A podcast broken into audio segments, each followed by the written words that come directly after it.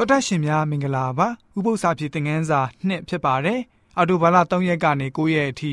လေ့လာသွားမယ့်ဥပု္ပ္ပစာဖြစ်တဲ့ငန်းစာရဲ့ခေါင်းစဉ်ကြီးကတော့မိသားစုဖြစ်ပါတယ်ဖတ်မဲ့ကျမ်းချက်တွေကတော့ကပောက်ကျမ်းခန်းကြီး3ငွေ1ကနေ15ကောရိန္သုဩရစာဒုတိယဆောင်ခန်းကြီး4ငွေ6 ရှင်လုကာခရစ်ဝင်ခန်းကြီး1ငွေ26ကနေ38ရှမသက်ခရစ်ဝင်ခန်းကြီး1ငွေ18ကနေ24အေဖဲဩရစာခန်းကြီး4ငွေ15ရှွမ်းဟန်ဩရစာပထမဆောင်ခန်းကြီး3ငွေ18တရားဟောကျမ်းခန်းကြီး6တို့ဖြစ်ပါတယ်အဓိကကျမ်းချက်ကိုတော့တုတ်တဲ့ကျမ်းခန်းကြီး1ငွေ8မှာတွေ့နိုင်ပါတယ်ငါသာအဘဤနိဥပဒေသားကိုနားထောင်လော့အမိဤတရားကိုလည်းမပယ်နှင်းဆိုပြီးတော့ဖော်ပြထားပါတယ်လူသားဆိုတာကအချိန်ရှိနေသူ၍တင်ယူခြင်းအမှုကိုပြုလုပ်နေရပါတယ် ဘဝဟာဆိုလို့ရှိရင်ကြောင်းဆောင်ကြီးတစ်ဆောင်လိုပဲဖြစ်နေပါတယ်ဝိညာဉ်တော်စာပေဖြစ်တဲ့ Egypt White The Desires of Ages စာမျက်နှာ69မှာဆိုလို့ရှိရင်ဘယ်လိုမျိုးဖော်ပြထားလဲဆိုတော့ရှေးခေတ်သစ္စာရှိဣသေလလူမျိုးတွေဟာဆိုလို့ရှိရင်သူတို့ရဲ့မျိုးဆက်သစ်လူငယ်လူရွယ်တွေရဲ့ပညာရေးကိုအထူးလေးထားကြပါတယ်ဣသေလသမိုင်းရာဇဝင်ကိုလေ့လာကြည့်တဲ့အခါမှာလူမမယ်ကလေးအရွယ်ကနေစပြီးတော့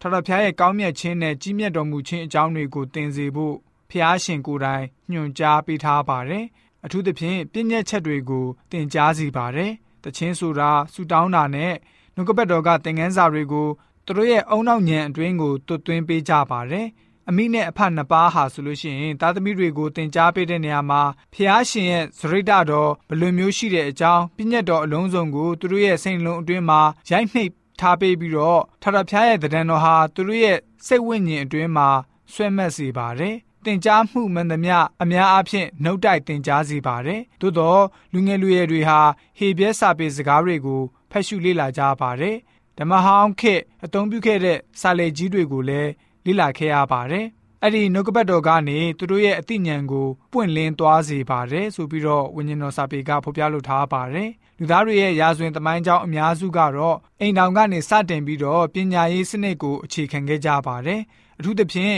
ရှေးအကြဆုံးနှစ်ကာလတွေမှာပညာရေးစနစ်ကိုအိမ်တောင်ကနေစတင်နေဆိုပြီးတော့ဥပုံနဲ့ဥပု္ပ္ပစာဖြစ်တဲ့ငန်းစာကဖော်ပြပေးထားပါတယ်။